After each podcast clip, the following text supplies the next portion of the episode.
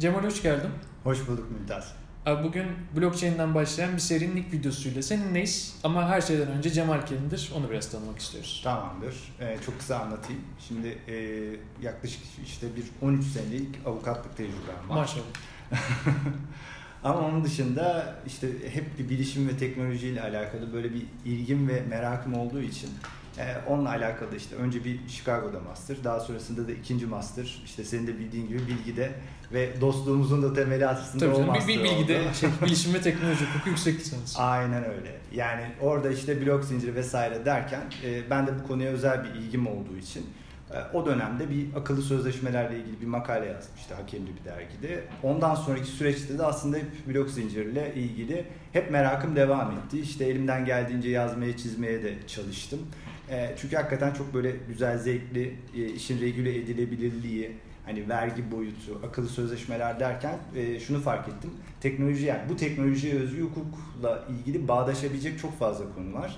E, çok da güzel yeni malzeme var bence. Kesinlikle E, ve insanlar bağdaştırmaktan da hep çekiniyor. Bir yere kadar konuları getiriyor, söylüyorlar bir şeyleri. E hadi birleştir dediğin yerde içerikler, makaleler tükeniyor. Aynen öyle çünkü e, ya hem bir farkındalık anlamında belki o farkındalık yeni yeni oluşuyor hem bir de işte şu tereddüt oluyor. Hani orada da mesela senin de fikrini merak ediyorum. İşte blok zincir bir merkezi olmayan yapı ama hukuk bir şekilde işte bunu regüle etmeye çalışıyor. İşte burada bir çelişki var mı yok mu? Bence orada çok güzel bir tartışma oluyor hani hukukçular açısından da. Ben biraz daha o konuda daha böyle proaktif olarak ne düşünülebilir, ne yaratılabilir Hani biraz o konuda da bir kafa yormaya çalıştım. Yani elimden geldiğince. Dolayısıyla yani o da bence çok zevkli konulardan bir tanesi Mümtaz. Tabii canım şey spoiler olarak ana düşüncemi söyleyeyim. Gerçekten hukuk hayatın içinden olan her şeyi regüle etmek durumunda kalıyor. Öyle ya da böyle. Dolayısıyla yapının kendi içinde regüle edilmesinin zor olması bir şekilde regüle edilemeyeceği anlamına gelmiyor. O yüzden hemfikiriz o konuda. Ya aynen hani şey gibi bu bence. Şimdi internet önce çıktı. Yani internette ne oldu? Dediler ki insanlar işte biz internet global bir bilgi paylaşımı. Hani bunu nasıl regüle edeceğiz vesaire. O şey gibi Adam Smith'in hani bırakınız yapsınlar, bırakınız geçsinler öyle bir şeye benzetiyorum. O liberal bakış açısı işte internette de vardı. İnternette bütün o e, en azından internet servis sağlayıcıları bir noktada biz ne yapalım bu platformları regüle edelim mi vesaire derken sonra regüle etmeye de başladılar. Ama başta beklemiyorsun yani birden yaptığın bir şeyin sonuçta da bir startup gibi başlıyor. İnternet dediğin de öyle bir şey. Aynen. Bunun regüle etmen Aynen. gereken boyuta geldiği an artık çok büyük bir şey yapmış oluyorsun zaten. Aynen. Ya bir de şey var ya şimdi bunun blok zincirinin altında şu felsefe var. Aslında işte o 2008 yılındaki e, Amerika'daki o e, mortgage krizinden sonra işte her etkinin bir tepkisi oluyor fizik kuralı gibi. Orada çıkan bir tepkiyle zaten e, ya biz gayrimerkezi bir yapıda işte ne olursa olsun e, global anlamda bir değer paylaşımı yapacağız bu teknolojiyle. Yani bu teknolojinin çıkış mantığı biraz daha böyle hani o olduğu için e, sonra gün geçiyor. E, aslında regüle edilebildiği bence anlaşıldı. Çünkü neden? Yani bu teknolojinin de bazı bence kontrol noktaları var. İşte mesela şu olabilir. Bu çok tartışılıyor. Ben de bunları okudum. İşte kullanıcıları mesela e, ne şekilde regüle edebiliriz, kontrol edebiliriz? Bu çok kolay değil. Ama mesela e, çekirdek yazılımcıları var. Yani e, biliyorsun şimdi yazılım olayında işin mimarisi aslında işin kural koyucu kısmı ya. Tabii canım orada bitiyor aslında. Ondan sonra protokolü değiştirmek çok zor. Ancak aplikasyonu Aynen öyle, aynen öyle. E şimdi yani bu alsatçılar var biliyorsun e, kripto varlıklarda.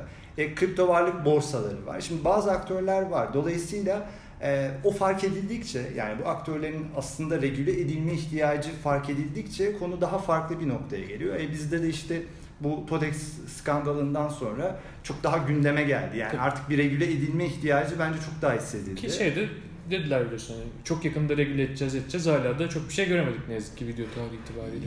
Ya evet yani şöyle oldu o bilinçli bir tercih miydi bilmiyorum ya biz e, blok zinciri regüle etme konusunda böyle şey kaldık yani çok e, bayağı e, ger- yani bekledik aslında. Tepkisiz kaldık. Aynı Tepkisiz kaldık. Hani bu ne kadar bilinçliydi bilmiyorum ama işte bir yönetmelik geldi hayatımızda biliyorsun. E, o yönetmelikten sonra da ya bunu işte ne derece yasakladık yasaklamadık bunları da çok tartıştık. Şey de acayip tartışılıyor hala. Sonuçta ödeme kuruluşlarının altında bir yönetmeliğe gelen bir ek olduğu için benim de proje geliştirmemi yasaklar mı teknoloji şirketi olarak yoksa kanunlar hiyerarşisi gereği sadece ödeme kuruluşlarını mı ilgilendirir konusunu bile hala netleştiremedik kendi içimizde. Evet ya o şeyden kaynaklandı. Oradaki bir spesifik düzenlemede hani biliyorsun şey yapamadı ya bu konuda işte proje geliştiremez vesaire denildiği için hani benim algım da ilk başta işte e, bankalar ve elektronik ödeme kuruluşlarına yönelikti aslında Hı. bu regülasyon.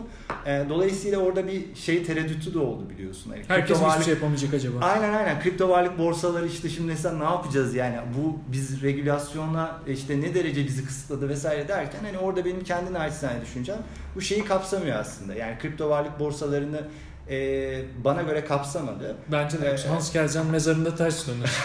ben de okudukça böyle şey oluyorum. Acaba haklı olabilirler mi diye düşünüyorum ama hani bariz yönetmeliği. Evet. O yüzden ben de seninle aynı noktadayım kesinlikle. Ee, ama şey var yani bir vergi boyutuyla ilgili e, biliyorsun hani onu da hani tartışırız. Yani orada şu anda dünyada çok farklı hani düzenlemeler oldu işte Amerika'da birçok e, 10 bin dolar sınırı getirdi. Sağ aynen olsun. öyle, aynen öyle. Yani vergi boyutu ile ilgili bir şey var. Hani bizde de öyle bir e, yani daha farklı düzenlemelere gidileceği yönünde benim de bir düşüncem var ama ne zaman olur bilmiyorum. Valla ben merakla bekliyorum. Ya öyle bir açıklamalar geldi ki o dönemde. Hani birkaç haftaya çıkıyor gibi bir heyecan içindeydik herkesin. Evet. Şimdi evet. birden böyle adım adım düşüyor o heyecan. Aynen yani şey bir de şimdi e, hani neyi vergilendireceğiz, hangi vergi türlerinde neyi getireceğiz noktasında hakikaten iş çok kolay e, bir konu değil yani bu işin vergi konusu. Ben çok detaylı incelemiştim onun zamanında.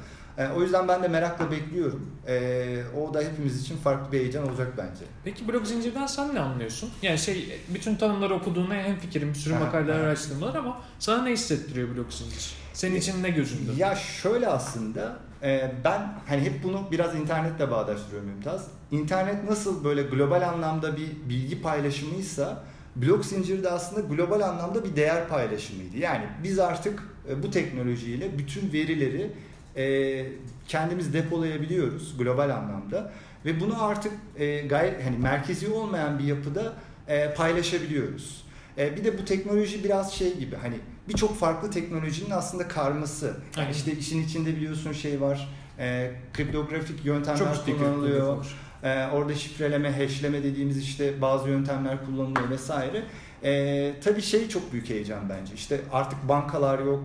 E, hani akıllı sözleşmelerde onu işte konuşuruz. Ya insanlar artık gayrimenkul alım satımını yani biz şimdi nasıl hani e, tapuya gidip bunu yapıyorsak artık blok zincir üzerinden e, akıllı sözleşmeler vasıtasıyla hani tek tuşla ve çok kısa zamanda gerçekleştirebiliyor. Şu an doğrulamalar korkunç ya. Olmadığı bir senaryoda şehir dışı tapu işlemi yapmak gerçekten eziyet. Gidip en son o defterden bakıyor ya. Aynen. Üç gün onu aynen. bekliyorsun bazen müdür arayıp şey yapmazsan baya arkada bir evet defterde yazıyorum evet evde devlette var. Tamam diyor ona güvenmeyip bir de deftere geri gidiyor. Onlardan bile kurtarsa benim blockchain'den beklentim fazlasıyla karşılayacak. Ya kesinlikle çünkü şimdi tapuyu bilirsin böyle e, evrakları mesela bir gayrimenkul devretmek istesen işte o çantalarla gidilir para sayma makineleri Tabii. vardır e, işte bütün evrakları teslim edersin yarım gün beklersin harcı yatırırsın filan tapu anca öyle şey olur. Şimdi e, blok zincirde şunu fark ettiler gerçekten gayrimenkul e, devrinde yani artık bir tıkla e, akıllı sözleşmelere yazdığı kodlarla çok kısa bir zamanda bu işlemi direkt sanal ortamda yapabiliyorlar. Bence inanılmaz bir artık müdüre güvenmek zorunda kalmıyorsun. En sevdiğim o. Gidip deftere bir şey yapabilir ya arkada. Bir tane defter var sonuçta. Bir de devlet kaydı var. O müdür Aynen. bunu yapmak istiyorsa kesinlikle yapabilir. Aynen. Ya zaten şöyle blok zincirin bence en güzel özelliklerinden bir tanesi kaydettiğin veriyi orada silemiyorsun ya. Yani e, bir yandan tabii şey hiçbir şey gizleyemiyorsun. Kaydettiğin her şey kalıcı e, orada hani veri koruma biraz daha evet, senin ben direkt şey oluyor böyle. Sen söyleyince ister istemez böyle GDPR, CCPR ne olacak falan. Aynen aynen aynen.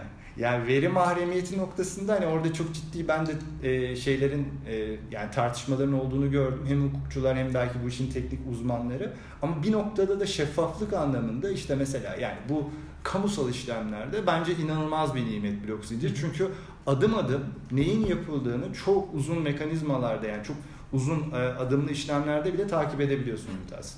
Bence müthiş bir şey. Bir arada şey tabi e, evet blok zincirinde yazıyor ne olduğu da günün sonunda hashli olduğu için dışarıdan da bariz göremediğim bir şey. O yüzden böyle hafif şeffaf gibi çok tatlı bir yerde bence. Aynen. Ya ben şeye benziyorum. Hani bu mesela hepimizin bir işte genetik e, kodlaması var. İşte nasıl mesela buradaki bizdeki bilgi bir noktada biz bir işlem yaptığımızda alıyor o işlemi aslında şifreleyerek herkese dağıtıyor. Dolayısıyla aslında o bilgi herkeste bir noktada şifrelenmiş oluyor. Ee, zaten bence getirdiği yani yıkıcı teknoloji deniyor ya buna. En büyük zaten yıkıcılığı da orada blok zincirin. Hepimize emanet ediyor bir parçasını. Evet. Yani o yüzden e, bir noktada e, ha şeyi de konuşuruz. Yani e, siber güvenlik anlamında sıkıntılar yok mu? Evet, geçmişte oldu. E, ama e, bu şey anlamına gelmemeli bence. E, İnternet de kesiliyor sonuçta. Aynen öyle. İnternet aynen öyle. doğru. Aynen öyle. Yani olumsuz bir şeyin olması demek o teknolojinin e, kötü ve size işte hepimize zarar getireceği anlamına gelmiyor. Ben hani UYAP örneğini veriyorum. E, böyle UYAP deyince de biraz yaşımda ortaya çıkıyor da. Şimdi UYAP'ta nasıldı böyle? İşte gidiyorduk kalemlere işte konuşuyorduk, dilekçe sunuyorduk vesaire. UYAP'a ne zaman geçtik?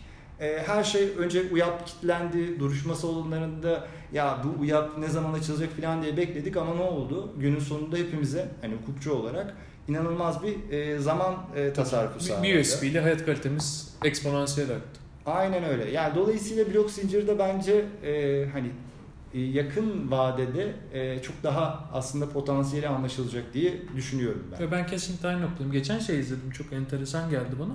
Bu hani uçaklarda dairesel oval bir şey var ya pencerelerde. Hani niye böyledir falan diye düşünürken şey olmuş zamanda. E, bunun kare olduğu dönemler varmış eskiden. Daha fazla basınç geliyormuş birim alama. Hmm. Dolayısıyla ondan dolayı düşen bir sürü uçak olmuş. Hmm.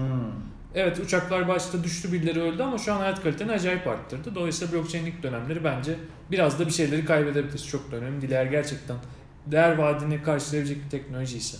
Evet ya bir de şöyle Mümtaz hani burada mesela ya blok zincir eşittir bitcoin değil. Yani Hiç- blok zinciri değil mi? kesinlikle. Yani çok daha farklı potansiyeli var. Bir de olumsuz olayların olması e, yani işte o Todex olayındaki vesaire gibi ya aslında e, iceberg'in bence o çok uç kısmı. Yani Hı. altta derinde çok daha farklı yapılabilecek bence çok güzel işlemler var.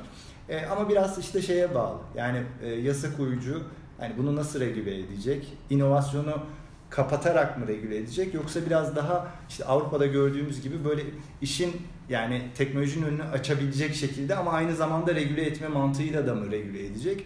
Açıkçası ben de onu merakla bekliyorum. Ben de vallahi bekliyorum. Güzel bir giriş oldu bence bölüm olarak. Ee, Aynen öyle. Bundan sonraki bölümlerde hem akıllı sözleşmeler hem de vergilendirmesi de devam eder. Memnuniyetle Mümtaz.